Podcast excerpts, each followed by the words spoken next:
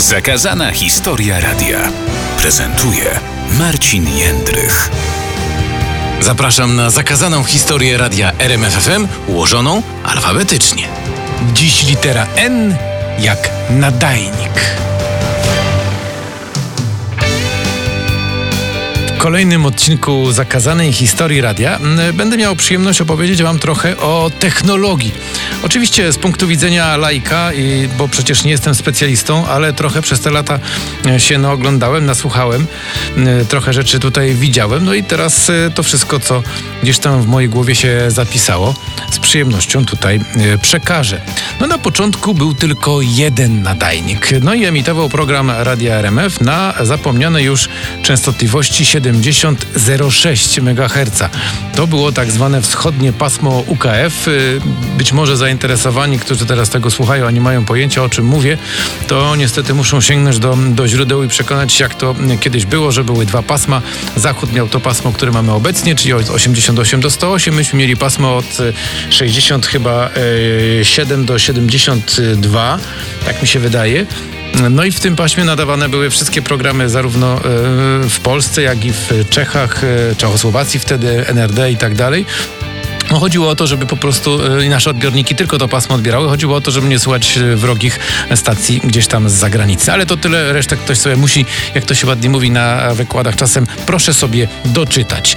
No i mm, oczywiście zasięg tego nadajnika na 7006 w Krakowie obejmował początkowo tylko i wyłącznie Kraków i najbliższą okolicę.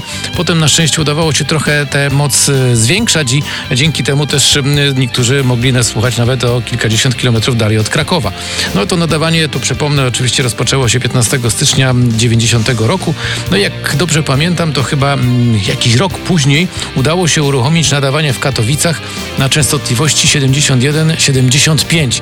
To była kolejna częstotliwość, którą udało tam się mm, chyba w ramach e, tak zwanego, mm, e, to się wtedy nazywało, eksperymentalnego nadawania programów radiowych uzyskać zgodę i emitować program e, właściwie w Krakowie i w Katowicach równolegle. Na początku to był ten sam program, potem był taki czas, że E, te część katowicka miała tam swoje takie małe wejścia e, związane z e, tak zwaną lokalnością, ale o tym szerzej będę mówił w kolejnym podcaście więc teraz tylko sygnalizuje. No i prawdziwy przełom w liczbie nadajników nastąpił w 1994 roku, kiedy to RMFFM otrzymało ogólnopolską koncesję na nadawanie. To było 26 maja 1994 e, roku. To był taki wtedy fajny mały show, który został zorganizowany podczas, e, krajowy, podczas posiedzenia Krajowej Rady, kiedy to e, wtedy chyba przewodniczący Krajowej Rady Marek Markiewicz dostał na stół laptopa, na którym był taki specjalny programik zainstalowany. Jak nacisnął tam odpowiedni klawisz, to się pojawił komunikat, yy, urucham, uruchamiam połączenie, proszę czekać i w tym momencie te wszystkie nadajniki e, w naszym e, kraju zostały automatycznie uruchomione. To oczywiście nie do końca wyglądało tak, jak e, było na tym ekranie. To nie było tak w 100% automatyczne, było powiedzmy półautomatyczne, ale przecież nie o to chodzi. Chodziło o dobre wrażenie, chodziło o to, że można pokazać, że właśnie technologia jest naszym sprzymierzeńcem i technologia zawsze w Radio RMFFM odgrywała bardzo istotną rolę. Również jeśli chodzi o nadajniki, bo one właśnie wtedy wszystkie automatycznie ruszyły w e, całej Polsce. No, zresztą trzeba powiedzieć tak, że to był tylko jakiś początek, dlatego że ta budowa całej sieci e, to był bardzo pracochłonny i trudny proces, przecież uruchomienie jednego nadajnika wymaga uzyskania dziesiątków różnych zgód no i przygotowania obszernej dokumentacji, więc to całe armie ludzi pracowały nad tym, żeby znaleźć lokalizację, znaleźć maszt, potem uzyskać zgodę, potem ten nadajnik tam postawić, potem się przekonać, czy wszystko jest ok, Potem oczywiście uzyskać różnego rodzaju informacje o tym, jaki może być moc nadajnika, jaki może być zasięg. No, dziesiątki rzeczy. E, ktoś, kto musiał się w to wgłębić, to naprawdę e, był wyjątkowo cierpliwy, bo jak e, pewnie wszyscy doskonale sobie z tego zdają sprawę, walka z urzędami, zwłaszcza kiedy trzeba dziesiątki różnych dokumentów, załączników, papierków dołączyć, no jest bardzo trudna, żmudna, ale udawało się to i sukcesywnie tych nadajników pojawiało się coraz więcej, aż do powiedzmy stanu obecnego, kiedy tych nadajników w Polsce jest kilkadziesiąt i one właściwie, o ile dobrze wiem, zapewniają pokrycie chyba ponad 95% e, powierzchni naszego kraju. Na pewno są gdzieś jakieś takie miejsca w górach albo też w te, takich obszarach, gdzie e, na przykład propagacja fal nie jest do końca korzystna, jakieś tam drobne zakłócenia się pojawiają, ale generalnie można powiedzieć wprost, że Polska w całości pokryta jest falami, które nadają RMFFM, co oznacza, że wszędzie można słuchać radia i nawet jak się wyjedzie kilka czy kilkanaście e, kilometrów za granicę, czy to wschodnią, czy zachodnią, czy e, południową, to e, oczywiście też radio się łapie. Choć wtedy też należy pamiętać, że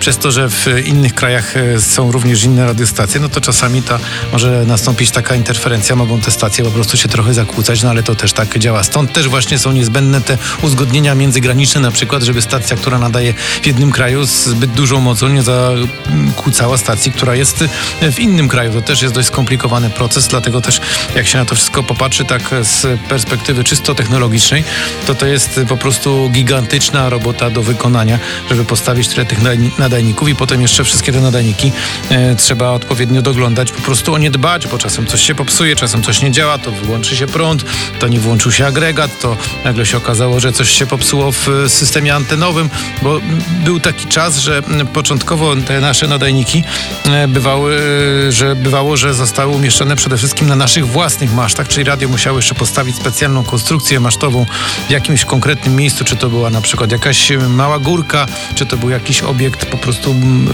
architektoniczny, być może jakiś wysoki budynek albo jakiś komin na przykład w Katowicach.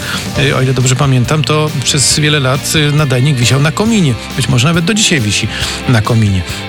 Więc to też były takie miejsca, które trzeba było znaleźć, potem powiesić tę antenę i potem to wszystko spiąć i podłączyć. No i był taki moment nawet e, na Kopcu Kościuszki, kiedy ta sieć, właściwie rozpoczynała się budowa tej sieci, czyli to był 94 rok, że na, w pomieszczeniu, które dziś jest e, newsroomem, tym wielkim newsroomem, w którym e, pracują ludzie przygotowujący fakty na antenę RMFFM, był wielki magazyn nadajników, które były sprowadzane z Włoch wtedy, te nadajniki chyba firmy Itelco, sprowadzane były tutaj z Włoch do Polski, przyjeżdżały w takich wielkich kontenerach.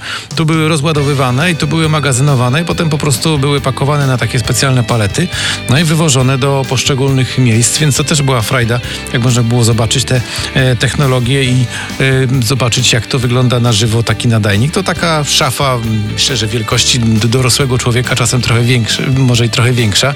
E, tak to wyglądało wtedy, jak to wygląda dzisiaj. Być może ta technologia się już na tyle zmieniła, że te nadajniki są teraz mniejsze. Tego nie jestem w stanie powiedzieć, bo no już w tym zakresie nie mam aż takiego kontaktu, a przede wszystkim już to dzisiaj dzieje się trochę inaczej, już jakby nie ma do tego bezpośredniego dostępu.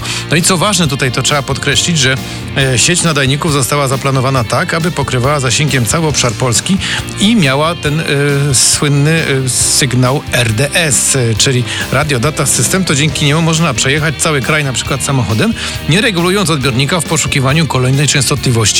Moim zdaniem dziś wydaje się to bardzo naturalne i takie oczywiste, że po prostu się siada do samochodu, jak ktoś lubi jeździć z RMF-em, po prostu włącza sobie mm, radio, RMF gra i właściwie się nie zastanawia nad tym, dlaczego tak się dzieje, że przez cały czas y, radio gra i właściwie mm, nie ma potrzeby regulowania i szukania stacji.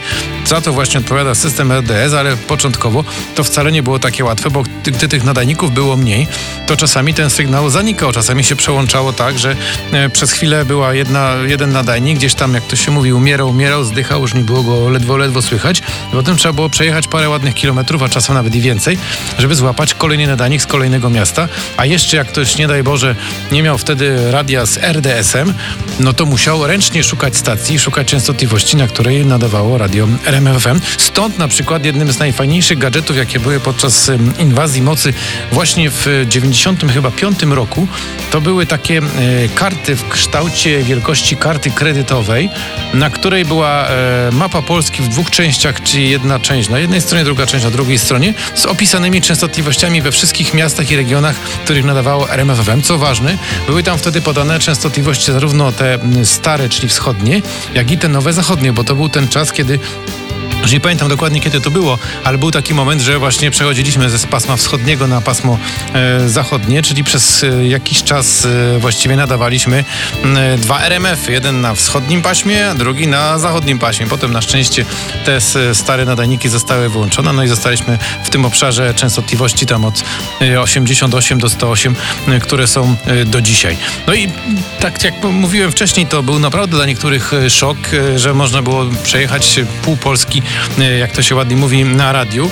E, To oczywiście wielka zasługa działu technicznego, które zawsze dbało o to, żeby te e, przełączenia były praktycznie bez takie szelestne, żeby nie było czuć tego prze, przeskoku pomiędzy jedną a drugą stacją. Były tam różnego rodzaju techniczne triki stosowane właśnie po to, żeby cały czas właściwie była taka absolutna płynność, że się jedzie po prostu radio gra i słuchacza to nie obchodzi, dlaczego tak to się dzieje.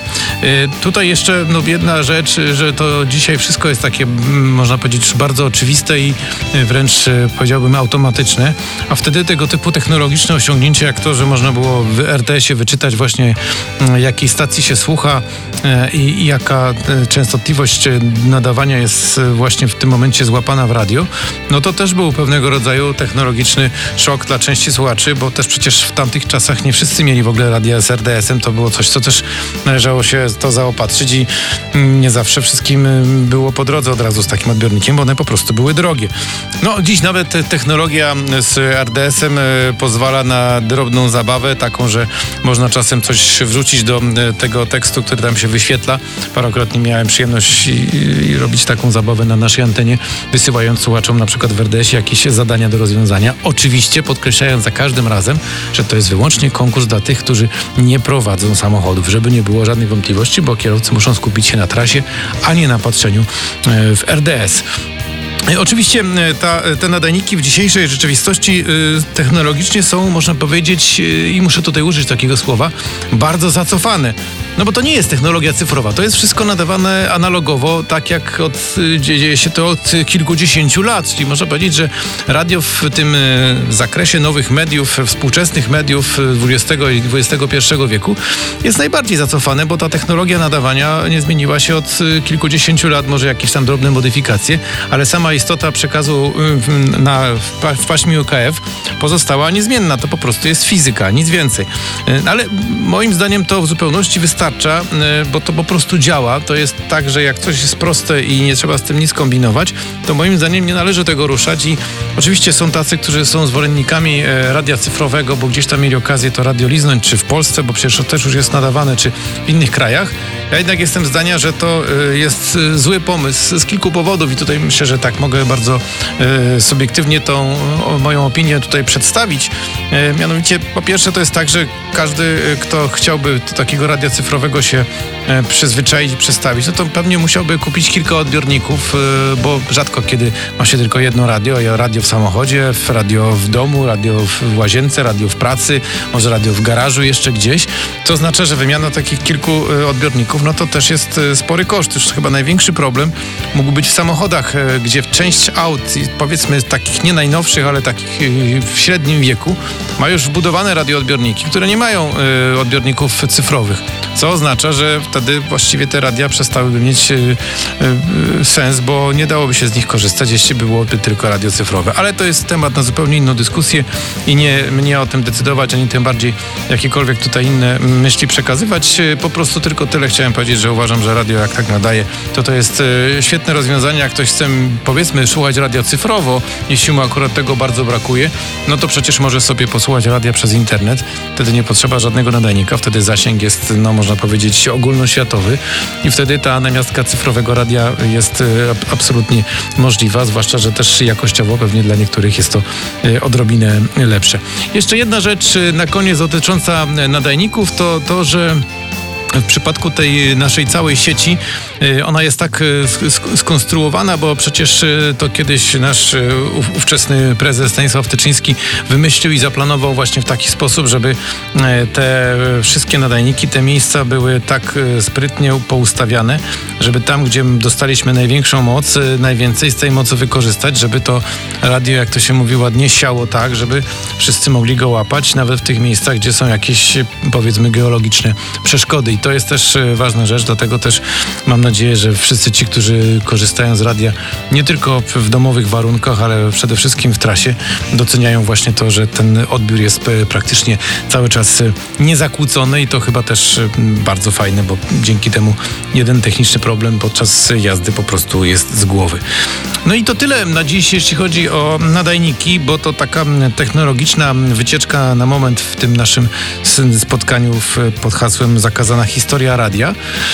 I chciałem jeszcze powiedzieć właśnie to, e, o czym wspominałem dziś już tutaj gdzieś na początku e, tego podcastu, że e, szerzej a propos poszczególnych miejsc na mapie naszych nadajników będę mówił w kolejnym odcinku, który będzie pod literą O jak oddziały.